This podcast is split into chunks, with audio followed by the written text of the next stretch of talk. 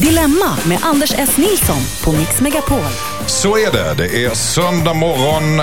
Mungiporna är uppåt och panelen är här för att lösa era problem som dyker upp lite då och då i livet. Så är det ju. Henrik Fexeus, välkommen hit. God morgon. Eh, tankeläsare och författare. Ja, vi har lärt känna dig här som en stadig röst i Dilemma-panelen. Och en ostadig själ. Ja. Ja. Bredvid dig har vi Jossan Kraffer som håller på med någonting, jag vet inte vad. Piller och tabletter har han. Hell in Ibiza. Att åka bill in Nej, dilemma. men jag hittade lite olika tabletter här. Jag tänkte jag kan ta dem under programmets gång Mm. och så får vi se hur det utvecklar Var det fest igår Jossan? Så du är under påverkan på det här så här dags? Eh, ja. Ja. Nej, alltså inte nu. Om jag tar Nej. tabletterna. Men alltså jag, kanske, jag kan ju inte hjälpa att ni har massa tabletter i studion. Nej, nej, Nej. Vi har lagt fram det till dig där man kan ta godis eller tabletter eller, eller bullar. Ja. Hörru du, tack så jättemycket för att du är här. Eh, Du är radiostjärna, podcaststjärna och mediapersonlighet och allt möjligt. Och bredvid dig sitter Thomas Järvheden. Ja. Thomas. Thomas. Sa jag Thomas? Ja, men det är okej. Jag, jag är säker på in, Thomas internationell... Jag är så influerad av, eh, vad heter han, Tony? Tony Irving. Här sitter Thomas Järvheden och röker cigaretta. Så är det. Du är ståuppkomiker och författare, har vi sagt att du är. Ja, jag, jag släpper en bok nu. Släpper men i övrigt är jag mest ståuppkomiker. Just det. Och artist. Absolut. Och ni vet, eh, kan du dra adressen hit för de som vill skriva in hit och få sina problem lösta av er? Ja, det är väl dilemma at mixmegapol.se. Åh, jättebra. Och så Ja, ändrar vi namnen också så att eh, de kan vara anonyma. Skriv, skriv. Skriv, skriv. William har skrivit till oss. Han skriver att hans tjej är känslokall. Oj. Ja. Typiskt tjejer. ja. Nej. Jo. Först ut är William. Han skriver så här. Hejsan hejsan. Jag och min tjej har varit tillsammans i ett år och nyligen flyttat ihop. Jag gillar henne jättemycket men hon visar aldrig att hon är attraherad av mig. Det har hänt kanske två gånger att hon tar på mig på ett sexuellt sätt. Vi har sex men det är alltid jag som tar initiativet och det här tär på mitt självförtroende. Jag har tagit upp det här flera gånger och förklarat hur jag känner. Jag har sagt att jag, eh, jag, har sagt att jag känner mig bortglömd och oattraktiv. Hon säger att hon tycker att jag är sexig men jag tror inte på henne. Jag har alltid haft bra självförtroende men just nu är det i botten. Hon har sagt att hon inte har haft några problem att ta för sig med andra men med mig så tycker hon att det är jobbigt. Och jag har pratat mycket om det men det händer inget. Under en vecka så tog jag ett ett eh, steg tillbaka och tog inget initiativ till sex. Då gick hon i taket och frågade om jag slutat tända på henne och sa att hon mådde dåligt av det. När jag förklarade att det är så jag känner hela tiden blev hon bara arg och verkade inte förstå mig alls. Jag vet inte vad jag ska göra. Ska jag stanna kvar och acceptera att mitt sexliv ser ut så här trots att jag får dåligt självförtroende av det eller borde jag rent utav glömma det här förhållandet och gå vidare? Undrar William. Vem vill ta den här bollen? Järvheden. Jag kan öppna med en kortis. Mm. Jag tycker han ska lämna förhållandet medans tid är. Okej. Jossan, kort. Nej, jag tror bara att hon har lite svårt att visa ömhetskänslor. Jag tror hon, att de sitter långt in. För att hon vill ju uppenbarligen vara med honom. Hon blev ju besviken när det gick en vecka och de inte hade sex. En vecka är ändå inte jätte, jättelänge. Jag tror hon bara... Hon kanske har vuxit upp på ett sätt där man inte har visat känslor på... Alltså, ja, det, jag tror bara att det är svårt för henne att eh, visa att hon är attraherad av honom. Hon måste öva på det. Men det har tagit ett år. Ja, men jag tror ändå att det finns chans Det att lösa. är inte ovanligt att relationer hamnar i det här, men det brukar oftast ta betydligt längre tid än ett år och det gör mig lite orolig. Samtidigt, precis som Jossan var inne på, så eh, när han sexvägrade så var det bara en vecka. Så det låter ju ändå inte som att frekvensen på det problemet. Och, förlåt, jag förstår att han känner att, men du hade inte problem att ta för dig med andra. Vad är felet med oss? Det är så här att eh, paradoxalt nog så kan det vara så att man ibland har lättare att ta för sig sexuellt av personer som man inte är jättekär i. För då är det inte så mycket på spel. Så det faktum att hon hade lättare att ta för sig av andra, men inte med honom, kan faktiskt betyda att hon är mer kär i honom. Det låter jättekonstigt, men det är inte helt ovanligt. Så man är inte 100% tänd på sin tjej så är det ett bra tecken. nej, det är inte alls det jag säger. Men, men, men problemet här är att det, det finns en, en obalans. Och jag tror tyvärr inte att den kommer lösa sig. Så att frågan är om, om Järvheden kanske är inne på... rätt spår. Ja, absolut. Ja. Jag, jag tror också sen nämligen att antingen så har man det eller så har man det inte. Och visst, man kan öva på det, men när man redan är tillsammans, den här balansen är redan sned. Det är svinsvårt att ändra det. Och han kan fortsätta med sina små, liksom, och sin lilla miniterror genom att inte ta initiativ och hit och dit. Men frågan är om det kommer väcka henne eller inte. Jag tror inte det. Och jag tror han skulle bli lyckligare med en kvinna som är varmare och mera... Ja, han, redan nu har han fått dåligt självförtroende och känner sig inte lika eh, attraktiv längre. Och så här. Det kommer vara förödande för honom. Han kan ge det chans, men då ska han sätta upp, okej, två, ett kvartal ger jag. Och så ska han berätta det för henne också. Kvartal. Ja, men du vet, han måste ju sätta ut en tid. Så att det Ja. inte bara går plötsligt fyra år, fem år och så har hans liv, han dåligt självförtroende. Okej.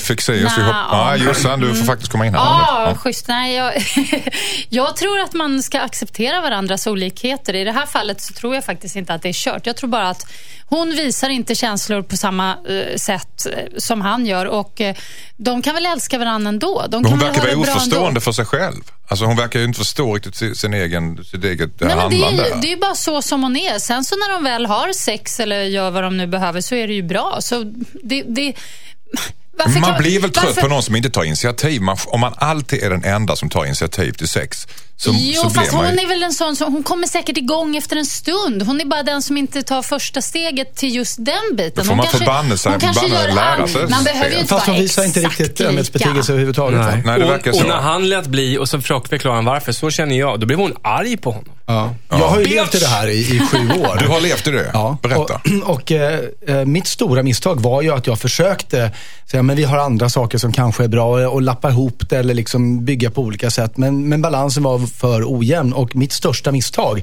var att jag inte från början gjorde det Thomas föreslår. Jag borde ha insett att, att eh, det här kommer inte fungera, men jag var för feg. Du stod ute i sju år. Ja, och till slut så var det jag som blev dumpad. Jag hade säkert varit kvar i det där annars. För att jag till varje pris försökte få ordning på det. Och det, det var inte värt det. Men fick inte ni barn ihop?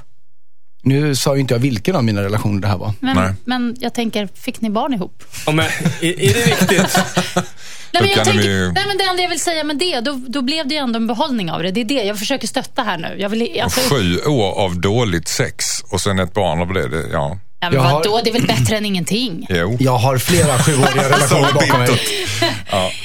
Nej, dumparna! Dumparna! Är det, är det dumpa där? Alla, Nej, alla tycker nej, det utom, utom nej. eh. Varna, dumpa. Nej, kämpa lite till. Ett Okej. år, det är ingenting. Tack. Hejsan Dilemmapanelen, jag heter Frida. Jag hade en kompis som jag var väldigt nära med när, med när vi var yngre. Vår vänskap blev sämre och sämre när vi växte upp och vi bråkade mycket. Hon snodde killar och högg mig i ryggen flera gånger. Det var ingen bra vänskap helt enkelt. Det slutade med att vi inte hördes av under många år. Hon träffade en kille och det blev naturligt att vi inte sågs längre. För några månader sedan så började vi höras igen. Vi sågs på en fika och rensade luften. Det var trevligt, men vi är ju inte bästa vänner igen. Nu blev hon nyligen lämnad av hennes sambo sedan nio år och nu har hon börjat höra av sig till mig som en galning. Hon säger att hon behöver stöd och prata med en nära vän. Men jag ser oss inte som nära vänner längre. Vi, har precis, vi hade precis börjat att reparera vår vänskap. Jag känner inte för att vara något stöd för henne eftersom vi knappt har pratat på nästan tio år. Samtidigt så tycker jag synd om henne. Borde jag stötta min före detta vän nu eftersom hon behöver det, undrar Frida. Vad säger Jossan? Mm, Kommer hon svårt. krypande? Nu kommer hon krypande, precis. Uh, fan. Ah, gud vad svårt. Jag tycker det är jättesvårt att, att säga. För på ett sätt tycker jag man ska vara schysst mot någon som har problem och söker sig till en. Då, då måste man kanske ibland, även om man tycker att det är lite jobbigt eller omständigt eller så här, ah, vadå, då tycker jag ändå man ska offra sig. Samtidigt som jag känner att den här bruden, hon var ju inte schysst när de var yngre och snodde, snodde killar och uh, högg henne i ryggen. Kanske inte på riktigt, men gånger. bildligt. Ja, så jag är lite osäker. Jag, jag, jag blev osäker på det här. Fexeus, vad säger du? Jag tänker att hon kan faktiskt fråga den här kompisen hur det kommer sig att kompisen vänder sig till henne. För det kan man, det kan man ju, det kan man ju, den typ frågan tycker jag att man kan ställa. Du, jag, jag, bara- vi har precis bara börjat prata med varandra. Hur kommer det sig att du vänder till mig med det här? För då kanske hon får veta att hon har inga vänner i hela världen, den här tjejen. Och då kanske hon får ställa upp och vara lite stöttande. Men annars kan det ju vara så att människor som går igenom en sån här process, de slänger ut tentaklar åt alla håll. För de har plötsligt otroligt mycket tid och samtidigt väldigt mycket behov av att bli sedda och bekräftade.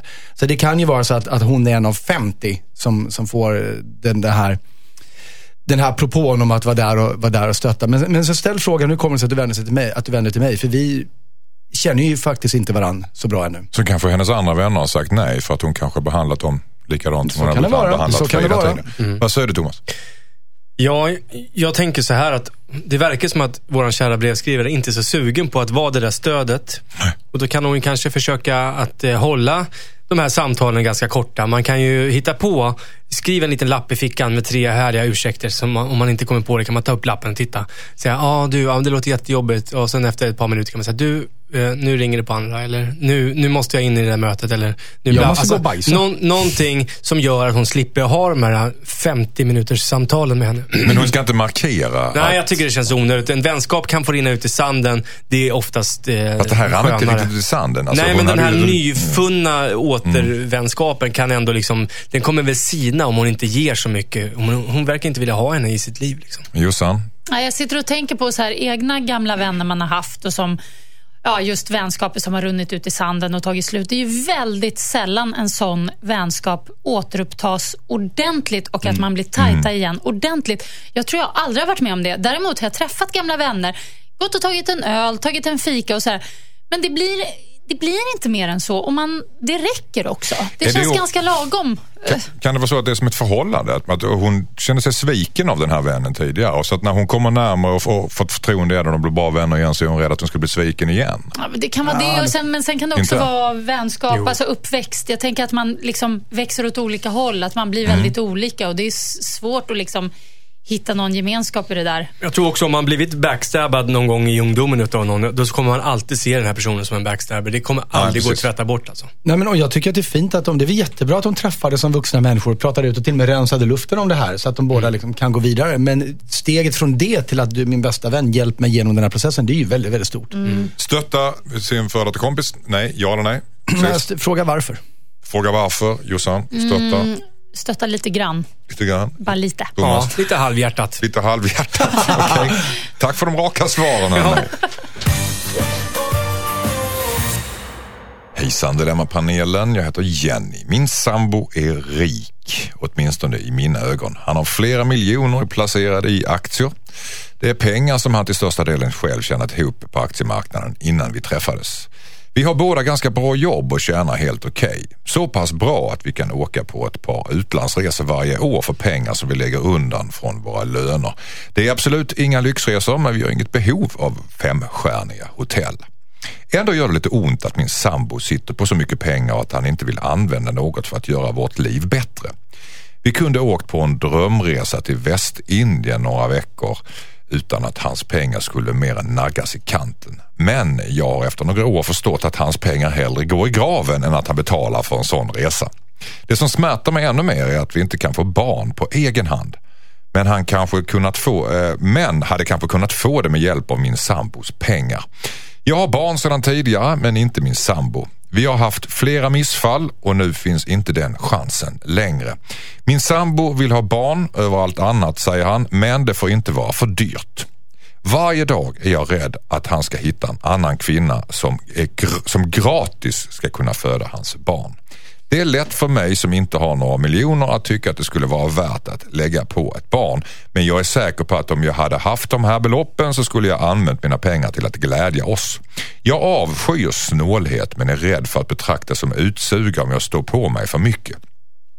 Ska jag stanna hos den här mannen? Hur lär man sig att stå ut med att någon har så mycket pengar och inte vill dela med sig? Ska jag vara så generös att jag föreslår min man att hitta en annan kvinna som han kan få barn med medan vi ändå fortsätter vår relation? Undrar Jenny. Hängde ni med? Det var en, det, på tal om Nobelpriset, det var nästan en roman. Va, Vad säger... eh, Spännande han det bli också. Ja, Och sen är det en ganska udda fråga på slutet. Liksom. Mm. ska gå så långt att hon föreslår att han skaffar barn med en annan och ändå fortsätter vara tillsammans. Är det, är det Medan vi den fortsätter frågan vi ska ta ställning till? Ja, jag har lite mer att ta vi- ställning till tycker jag. Mm. Vi kan väl börja med den första här då. Ska jag stanna hos den här mannen? Mm. Vad tycker uh, Jossan? Ja, jag, först blev jag lite så här... Ja, jag tyckte att det var lite larvigt att hon var så irriterad på hans pengar. För att båda hade ju bra jobb och tjänade okej och mådde bra och de gjorde små resor och hitan och ditan. Jag tycker faktiskt han kan få ha de där pengarna i fred. Men sen när det här med barn kom upp och att det skulle vara dyrt. Att vad det nu än är, de ska, är det någon slags sån här insemination, jag hatar att säga det ordet för jag säger alltid fel. Eh, alltså någon sån grej, någon sån här äggdonations bla bla bla. IVF är lättare att säga. IVF kan IVF. man säga. Surrogatmödrar. Eh, ja, Adoption. adoption. Alltså, Det tycker jag, det kan han väl gå in med. Det kan väl hon bara föreslå. Men du har ju de där pengarna, vi tar lite av dem. Har hon ens föreslagit det? Undrar jag. Det, det verkar Nej, som det att hon har föreslagit det mesta här känns som. Ja, men, Inför honom. Ja, då tycker jag han kan bjuda till med den biten. Men, Men de andra grejerna, hon vill åka till Västindien och ja, men det kan de väl spara ihop ja, tillsammans. någonstans. Vad säger Fexeus? Alltså jag, jag tänkte först, eh, lite som Josefin, men, men sen så har vi insett att de, det här är alltså placerade pengar. Och då, då kanske inte han kan röra dem sådär utan vidare. Och det kanske är så att han inte har ett behov av att åka till Västindien. Och då förstår jag att han inte ser varför, då, varför ska vi använda mina placerade pengar till att åka till Västindien när jag inte ens vill det. Han kanske är nöjd med de resorna de gör. Och jag fick, genom hela brevet så fick jag en känsla av att hon har inte varit tydlig mot honom i de här sakerna. Tills, som Josefin sa, det här med barnet kom. Där han uppenbarligen då, om vi ska tro brevskrivaren, har uttryckt att han vill gärna ha barn men det får inte vara för dyrt. Och det är nog första gången i världshistorien som jag hör någon sätta en liksom ekonomisk Eh, någon form av ekonomisk variabel på själva barnanskaffandet. Det låter ju otroligt märkligt.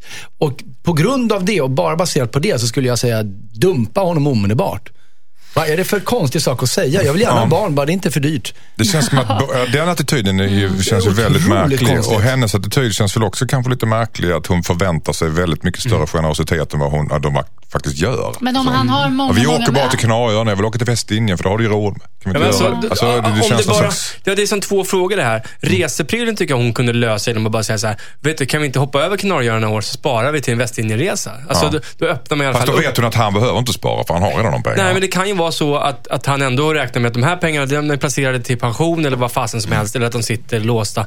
Eh, om inte annat så kommer ju frågan upp då när hon säger att nej, men jag tycker att vi ska lyxa till det och då, då hoppar vi över det här. Han verkar ju vara ganska snål så han kanske tycker att det är en bra idé. Han kanske känner sig utnyttjad. Det också. Att hon eh, förväntar sig att han ska betala allting. Så då börjar han känna sig utnyttjad Ja, kanske. Det kan ju vara så att en vacker dag så gifter de sig. Då blir ju allt hans Mm. till hälften hennes. Men när den här Ja, barngrejen hon kom upp. gifta sig. Men när den här barngrejen kom upp så tycker jag också det lät så sunkigt. Hon får nog fråga honom om han är beredd. Eh, Jag tycker också så här, var, varför då inte för dyrt? Hon kan bara säga så här, om båda nu har bra jobb. Vi gör en IVF-behandling. Det kostar kanske, jag vet inte, 150 000 säger vi. Vi tar ett lån på det. Eh, om han tycker det är för dyrt att ha hälften av ett lån på det, så tycker jag, då ska hon inte skaffa barn med honom. Mm. Men om hon inte är beredd att, om hon ändå har en god ekonomi, ta häl- hälften av det IVF-kostnaden. Alltså då tycker jag det är konstigt. Då är hon bara där för att utnyttja honom också. Det var så bra sagt så vi stänger butiken där. Tack så mycket. Okej. Hejsan, jag och min man har ett annat, eh, har ett annat par som vi står väldigt nära. Vi har barn i samma ålder och vi har umgåtts väldigt mycket. Vi har till och med åkt på semester tillsammans med det här paret men nu ses vi inte lika ofta. De har äktenskapsproblem. Det började med eh, småtjafs som nästan var gulliga men tjafsen övergick till större bråk och det gick knappt att umgås med dem. Hur mycket vi än försökte byta samtalsämne så vändes det alltid till deras problem. Eftersom vi står dem så nära så försökte vi hjälpa till och stötta dem så mycket vi kunde. Vi gav dem tips och pratade med dem både enskilt och tillsammans. Ingenting verkade hjälpa. De har gått i parterapi utan resultat. De vägrar ge och ta utan båda är fast beslutna om hur den andra ska förändra sitt beteende. De är fina människor var för sig men tillsammans så beter de sig hemskt mot varandra. De säger elaka och hemska saker till varandra, även framför andra människor och deras egna barn. De lever som skilda men under samma tak. Vi utomstående ser hur mycket deras relation tär på dem själva och deras barn. De vill fortfarande gärna hitta på saker med oss, men bara var för sig. De klarar inte av varandra. Både jag och min man är terapeuter och i början tog de till sig av våra råd, men nu vill de inte prata om det längre. När vi har uppmuntrat dem till att gå skilda vägar så säger de blankt nej.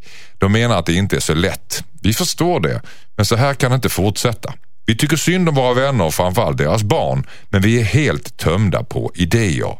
Vad ska vi göra för att få våra vänner att inse att de skulle må bättre av en skilsmässa? Undrar Rebecka och Henrik inom parentes.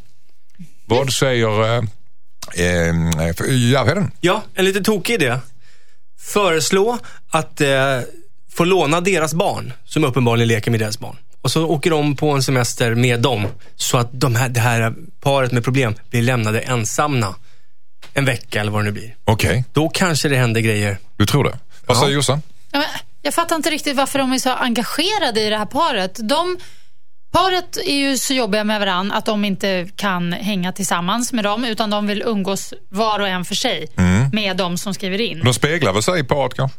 Ja, men om de bara...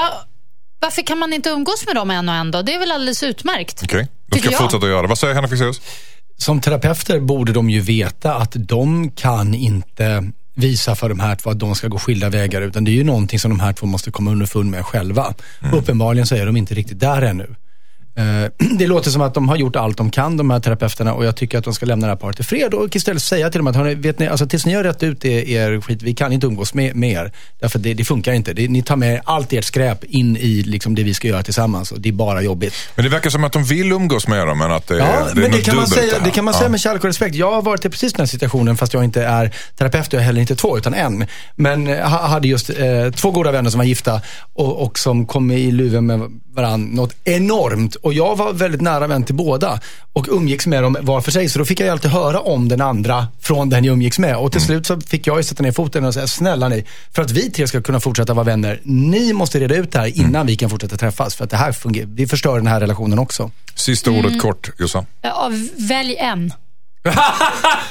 Välj en och sen rata den andra. Ja, Okej. Tack för det uttömmande svaret Josefin. Det Jag- var tydligt i alla fall. Det var Donald Trumps svar. Ja, tack. oj då. Bygg en mur. Ja, Vadå? Det är väl enklast. Hejsan Dilemmapanelen, jag heter Camilla. Jag har varit ihop med min kille i snart två år och han har aldrig sagt att han älskar mig. Jag tycker det känns väldigt jobbigt, vi har ett bra förhållande men det här stör mig väldigt mycket. Om jag har sagt jag älskar dig till honom så svarar han oftast med att kyssa mig. Men han har aldrig sagt den meningen. Borde jag fråga honom varför han aldrig har sagt att jag älskar dig eller ska jag bara fortsätta vänta? Undrar Camilla. Vad säger Jossan? Fråga, älskar du mig? Mm, ja, säger han. Ja. Ja. Eller så. kysser han henne. Men han säger ju inte det. Om ha- Förstår du inte henne att hon vill ju höra det? Hon vill hon vill höra att han tar höra initiativ. exakt de orden. Ja, och hon vill att han ska ta initiativ till det. Du förstår inte det alls. Säg efter mig, jag älskar dig. Kan hon säga. Då kanske han Mm. säger, jag älskar dig. Nej, men alltså det, det, är sv- det sitter långt in. Det kanske måste till rätt tillfälle. Hur länge har de varit ihop? Två år. Oj, två år. Ja, det var ganska länge. Han Jag, kanske, jag tror att han, kanske, är typ 20 år och jobbar som byggjobbare. Och det- att, att, att för honom... i- Byggjobbare? Ja, det är min Vad- vadå, fördom. som att Han är de här- kan inte säga jag Jo, älskar dig? men de är så här, typ, typ Från exempel. Norrland. Typ exe- ja, från Norrland också. Så är det så här, äh, det känns onödigt att säga att Mm. jag, jag visar ju det med, med att vara här. Ja, men det kan vara svårt för någon som... Ja. Ja, jag håller av dig. Vad det säger du. Fexeus? Nej, men jag tror att han inte förstår hur viktigt det här är för henne. Och vad, det, är väl, det är väl inga Hur ska hon få honom att förstå Ja, men det är det? väl bara att säga, alltså det är bara att fråga honom. Nästa gång hon säger jag älskar dig och han försöker hångla med henne istället. Så, men vänta nu, var, har du tänkt på att du aldrig har sagt att du älskar mig? Var, varför säger du inte det? Mm. Det kan ju vara så att han inte gör det. Kan ju vara så, men det behöver inte vara så. Jag, jag tror snarare som Thomas linje att han tycker att han visar det ändå. Men hon måste ju förklara att det är viktigt för henne att få höra det. Att hon behöver den eh, hedersbetygelsen, heter det inte, men ömhetsbetygelsen. Är det så att man tycker om dem väldigt mycket men i grunden kanske inte älskar dem? Kan det då vara avslöjande för en själv? Att man när man hör sig själv säga det så känner man att det här är fel? Så kan det vara. Kan det vara så? Ja, det tror jag. Det kanske är så att han eh, är Mm. Att det blir ett osäker. kvitto på något att det, sätt. ja, alltså det, när man säger det, då vill man ju mena det. Så att säga. Men det Men jag, finns... ja. jag får också en känsla av att han nog älskar henne. Alltså, Okej. jag vet inte varför jag får det, men jag tror det. Så att, ah, det är väl lite Men du har som... väldigt eh, lite att gå på för att Ja. få den känslan. Vad, vad, vad säger du Ja, Thomas? men jag har ett budskap till alla som lyssnar här nu. Alla ni som tror att det räcker med att ge någon en kyss eller det räcker med att göra en god efterrätt eller köpa blommor eller vad fan som helst. Nej, det räcker inte. Man måste säga det med ord. Därför att om den ena säger det med ord och den andra visar det med handlingar så blir det ändå obalans. Mm. Man måste bara skärpa till sig lite. Man behöver inte säga det lika ofta men, men då kanske det betyder desto mer de gångerna som man säger det. Och man måste bjussa på det i en Fast det relation. kan bli jävligt tjatigt också. Ja, men Ja, man jag sa ju det. Man behöver inte säga det så ofta. Men då är älskar man för feg för att säga det så kan man börja med att skriva det. Det kan man Och också göra. lämna över små lappar menar du? Eller messa till dem på andra sidan Ja. bordet? Och är det, att ta emot så kan man skriva med rövarspråk så blir det inte lika obvious. Jojagog. Elolsoskaror, dodigog. Oj, det där kan du. Joja. Ja. Snabbt. Men det finns ju inget värre än de som säger det jättemycket men inte visar det. Nej, Det är- det är ju det är ännu ju värre. grymt. Det är värre. Hellre då en byggjobbare från Norrland än någon jävla komiker från Stockholm. Ni lyssnar på... Ni lyssnar på Dodilolli mamma mamma. Och Okej. Josefin. Vadå? Är det inte bättre med en verbal komiker från. Stockholm än en tyst byggjobbare från Norrland? Okej, Gud, men ni- längtar efter den där byggjobbaren nu. Försök få honom att säga det. Ja. Så kan vi väl säga. Förklara att det är viktigt för dig att höra det. Förklara att det är viktigt för dig att höra det, Camilla. Mm. mm. Vi har ett brev ifrån Lotta. Hejsan! Jag och min man ska gifta oss i sommar. Våra släkter har inte umgåtts mycket och det finns en elefant i rummet. Hans, hans släkt är väldigt politiskt till höger och min släkt är raka motsatsen. Vi har dessutom flera olika släktingar som kan elda igång när de börjar prata politik. Frågan är egentligen om vi ska försöka hålla våra släkter separerade så gott det går när vi gör bordsplaceringen för bröllopet eller inte. Vi vill ju att våra släkt, släkter ska vara, lära känna varandra nu när vi har bestämt oss för att spendera resten av våra liv tillsammans. Men vi vill inte ha bråk på vårt bröllop. Hur ska vi tänka? Borde vi försöka hålla isär våra släkter för att undvika dålig stämning eller borde vi blanda friskt och hoppas på det bästa undrar Lotta. Vad säger Henrik Fexeus? Nej men det här ska ju blandas friskt. Alltså, bara för att ena släkten är eh, till höger och andra till vänster så behöver man inte förutsätta att de är hårt kategoriserande och dumma i huvudet. Förhoppningsvis är det här intelligenta människor som tycker om att diskutera. Det kommer ju bli världens mest livliga och underhållande fest. Jag hade, min, eh, min första flickvän, hennes föräldrar var extremt mycket till vänster. Det var så mycket så att de hade ut, bildat ett utbrytarparti ur gamla KPMLR för de tyckte att de var lite för mycket till höger. Så mycket vänster var det. Och mina föräldrar inte så, utan, utan väldigt blå. Och de fann varann oerhört väl, just för att de var så diametralt extrema, motsatta. Ja, men nästan. Eh, Så, att, så att jag tror inte de behöver vara rädd för det här. Eh, För att man är politiskt intresserad behöver inte betyda att man är dum i huvudet och bråkstake. Nej. Det tror jag inte. Utan jag tror tvärtom, det kan bli väldigt roligt. Jossan, vad säger du? Du får Mm. eldiga diskussioner på bröllopet. Ja, nej, men jag tror att de är, de är nog bråkstakar och kanske lite smådumma i huvudet. För det brukar man vara när man eh, är politiskt engagerad. Men, men, Bättre vara som Jossan, totalt ignorant. men just därför håller jag med Fexeus. eh, Oj. För eh, det här tror jag kan bli härligt. Alltså, det finns ju inget tråkigare än att hamna på ett bröllop till exempel och så, och så sitta med så här eh, Ja, att liksom att det inte är några åsikter som slängs ut. Hellre att det blir lite eldigt och så. Och sen får väl alla hålla sig i skinnet. Det behöver ju inte bli handgemäng. Men, Men- jag, jag, ja, nej, men jag tror på det här. Jag, jag tror på att det kan bli bra. Men Lotta här är ju rädd att det ska balla ur. Att det ska Ja, bli otrevligt det och finns en, li- obehagligt. en liten, liten risk att det, och det att det är ändå gör en det. viktig, viktig dag för dem. Vad säger, vad säger Thomas Järve? Jag tycker det hade varit roligt om hon hade liksom gjort bordplacering. Att det var så här ett sossebord, ett SD-bord och, ett, och så vidare. Så att, man, så att man verkligen måste bekänna färg där man sätter sig. Ja, och sen fri placering Som menar du? Ja, fri placering. Men, men, så att man ser, så blir det jävligt trångt vid de som röstar blankt för att folk är fega. Liksom. Just det. Ja, och även i kyrkan då. Så här, vet, bruden till vänster brukar det vara, eller höger. Men där är det en parti. Jag, ty, jag tycker det. Fri bordsplacering och sen så placera ett, eller benämn istället borden. Ja, du säga. ja, det, det, låter- det det välja jättespännande. Ja, vilken blomma sätter du i vasen på respektive bord. Liksom. Är det klöver eller är det... Precis, då ska man komma ihåg det också. Vilken jag, tror ålders, jag, jag, kan tänka, jag tycker man ska tänka mer så här åldrar och så. mer. Att, Mm. ja, att där kan det vara lite, så här, ett lite yngre bord och ett lite äldre bord. Har ni gift någon gång? Ja. Ja, hur var det på era bröllop? Var det eldigt eller var det? Oh ja, mycket. Oh ja, det var mycket det. Ja, eldigt. mycket ja, kärlek tycker Ja, jag. det, var, det var verkligen mycket känslor åt alla håll och och kanter. Blev det någon gång att det kantrade över till någon slags Absolut. otrevligt? Ja, det Ja. blev slagsmål. Oj, till och med det? Ja. Bra, jag tycker Ja. det är bra. Jag, jag tycker så här, alltså kanske inte för den som gifter sig, men om jag går på bröllop, då uppskattar jag ett slagsmål, en otrohet och någon som gråter. Allt det där är ingredienser som gör att man pratar om det länge efteråt. Allt det hände på mitt faktiskt. Det var så? Ja. Otrohet också? Ja, om man, om man räknar lite så här tafsande, ja.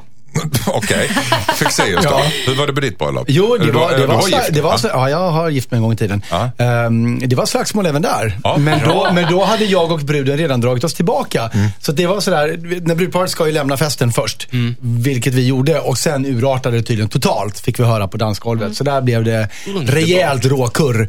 Eh, Är det någonting du, du minns med, med glädje tillbaka? Ja, eftersom jag slapp Mm. delta i det så är det ju det. Då blir det en liten så här härlig eh, skröna. Så, så Lotta här ska inte vara så rädd för konflikten helt enkelt. Hon ska, hon ska Anamma den. välkomna den, anamma Men har hon några specifika som hon vet kan vara bråkiga och jobbiga, då tycker jag man ändå kan säga så här att, ja, bara så att du vet att de är lite mer så. Du behöver inte ställa till en scen. Alltså man kan ju ändå, ja, för Kan inte folk få skull. upptäcka det själv då? Jo, fast det får ju inte, bli, det får inte ta över så att det blir otrevligt eller läskigt. Nej, men, och temat för kvällen är ju inte politik, det är ju bröllopet och det tror jag de flesta kommer respektera. Jag tycker man kan ha vapenförbud. det är rimligt. Ja. Ja. Men Hur ska man skära älgköttet? Jag- Tyvärr, det är bara en sked idag. Jag tror nog att Lotta har fått eh, precis höra det hon vill höra. Tack så mycket. Hejsan Dilemmapanelen, jag heter Jimmy. Jag är ihop med min sambo sedan några år tillbaka. Vi har inga större bråk i vårt förhållande, men en sak tycker jag är lite märklig. Hon vill inte att jag tar på henne förutom när vi har sex. Jag får inte ta på hennes rumpa eller smeka hennes bröst i vardagliga situationer. Hon tycker att det känns äckligt, säger hon. Jag tycker det hela är väldigt konstigt. Jag har aldrig varit med om det här med mina tidigare partners. Jag vet inte om det här är något att haka upp sig på. Jag är fysisk av mig och tycker om att hålla om och ta på min tjej även när vi inte har sex. Jag känner mig ibland avhyst när jag försöker ta på henne, vilket är en ganska jobbig känsla när man är tillsammans med den man älskar. Samtidigt vill jag såklart inte göra henne obekväm eller irriterad. Men jag mår dåligt av att inte få ta på min tjej. Borde jag göra en grej av det här eller bara acceptera situationen, undrar Jimmy. Jossan? Ja, jag sitter och tänker på mm, en person som jag känner som hade en kille som, som tog på henne på ett sätt, så här, och också framför andra, som var lite så här, ja du vet, lite så här klämma på rumpan, klämma på tutten, vilket För att show-offa eller Nej, det- för det- de andra det- eller för henne? Bara, det var liksom, han, var, han var bara van vid det, men det kändes ganska ofräscht. Och Mm. Jag tänker om det kan vara något som inte fattar att det han gör känns lite småsunkigt. Eh, Mm. För jag, det jag undrar är, är, tar han på henne på ett liksom ömt fint sätt eller är det lite så här, tjena stumpan, kläm kläm. Är det så? Eller är det, eller är det Och liksom... vad är en vardaglig situation för honom? verkligen. Ja, alltså det blir så, för det finns ju ta på och ta på. Så det är jättesvårt för att om det är Det så kan vara han- kärleksfullt också. Alltså Ja. det, kan ju vara, det, det du berättar känns nästan som att han gör det för att man vill show-offa. Liksom. Ja, lite så här, här är så- så- min här är brud min som jag brud, får talla på Som lite. jag gör lite som jag vill Ja, med. det, för det gillar man ju inte. Nej, det gillar man ju inte. Men att vara lite kärleksfull och lite lekfull i, liksom, Mm. Ja, sådär, ja, i hemlighet precis. eh, i hörnet. När det kan bara ju är de två trevligt. hemma och så, då, då, då Ja, vill eller man ju till och det med när man är på bion eller någonting sånt där. Ja. Ja. Jo då, så att... Eh, vad säger du? Det går bra.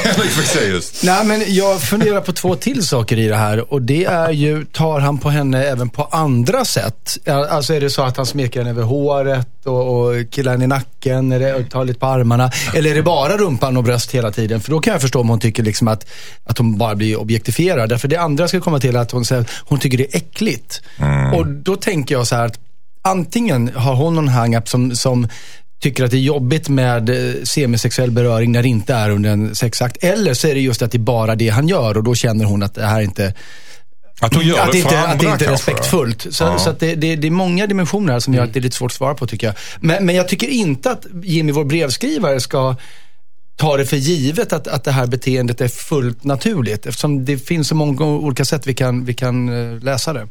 Thomas Järvheden, vad Jag säger vill börja med att skicka en liten tanke till Jimmy. Att, att jag förstår att det känns jobbigt för honom om det är så att han inte... Alltså om hon står vid diskbänken och han inte får gå förbi och, och, och lägga en öm hand och smeka hennes svank lite eller bara lite så här kärleks...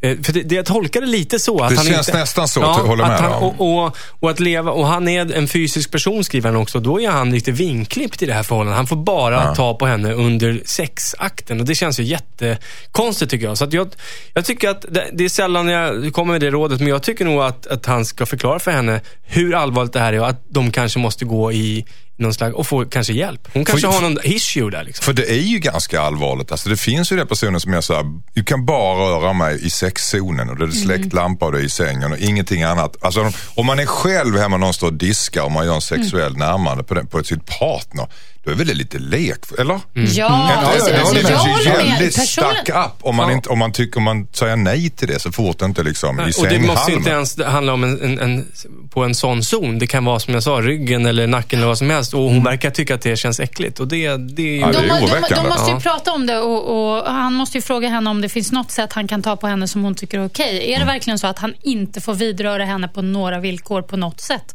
då är det ju verkligen not good skulle jag säga. Då måste Då- hon ju någonstans, men hon måste väl kanske gå någon slags bearbetning eller Ja, så är det någon slags kanske måste parterapi. eller något. det, ja, då måste de få hjälp på För, alla det, båda för två. annars är det synd om Jamie. Mm. Håller du med om detta Henrik Fexeus? Du får sista ordet. Ja, absolut. Klargör för henne där. Men som jag tycker Josefin var inne på någonting väldigt bra. Finns det några sätt jag kan ta på dig som är okej? För att just- eftersom man skriver just rumpa bröst så blir jag lite fundersam där. Kanske finns beröring som är, är bättre. Mm. Så ta upp det med henne och i, i värsta fall, har du en issue, då behöver man ta hand om det. Tack. Hejsan Dilemmapanelen, jag heter Oskar. Min flickvän vägrar slänga blommor som hon fått av sitt ex. Jag och min flickvän har varit ihop ungefär två månader. Innan hon blev ihop med mig så var hon i ett dåligt förhållande. Det tog slut ungefär en månad innan vi började ses. Hennes ex smsar henne flera gånger i veckan och vägrar inse att det är slut. Hon har inte berättat för eh, sitt ex att vi har börjat träffas eftersom han är väldigt känslosam och hon tycker det är bäst att han får smälta separationen innan hon berättar att vi är ihop. Jag är inte så svartsjuk av mig och bryr man vanligtvis inte om hans försök. Men nu har hon fått en stor blombukett av sitt ex som står på köksbordet hemma hos henne. Jag har sagt att jag inte tycker om att den står där. Men hon säger att det är dumt att slänga en så fin blombukett och att den inte betyder någonting för henne. Dessutom så berättar hon hela tiden om smsen han skriver till henne. Jag börjar undra om hon vill att jag ska vara svartsjuk och försöker locka fram en reaktion hos mig. Jag tycker att två människor som är ihop borde kunna lita på varandra. Borde jag ändå spela mer svartsjuk för att min flickvän ska bli nöjd? Undrar Oskar. Vad säger Järvheden? Du låg dubbelvikt där Men jag och fick en ojade dig. ångestattack av. Jag fick för mig att det var så här eterneller, en gammal bukett som hon hade hängt upp och det som hon jag vägrade slänga. Liksom. Torkade blomtjej. Det här Ja. problemet kommer ju lösa sig ganska snabbt i och med att en vecka senare så är buketten död. Om hon inte slänger den då, då, då, då, är, då vill jag ha ett till brev här till Dilemma. Ja. Ehm, Men det är smsen också. Det Ja, kanske kommer han får fler ju buketter. säga till henne, jag är inte intresserad av att lyssna på din ex-sms här. Det är liksom, jag tror att eh, likväl som hon kanske vill ha en reaktion från honom av svartsjuka, så kan hon också behöva en reaktion från honom att han är lite, han sätter ner foten. Det, det är ganska attraktivt också, att, att han markerar, men vet du vad, nu är det du och jag och om du har massa sms från ditt ex, ja, om det är viktigt för dig får du väl ha det, men berätta inte det för mig.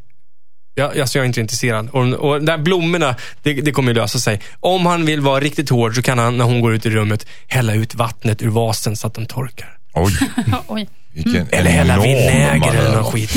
Eh, Josefin Crafoord, vad säger du? Ja, nej men, eh, först tänkte jag bara, gud vad många konstiga flickvänner vi har fått eh, höra talas om eh, den här söndagen.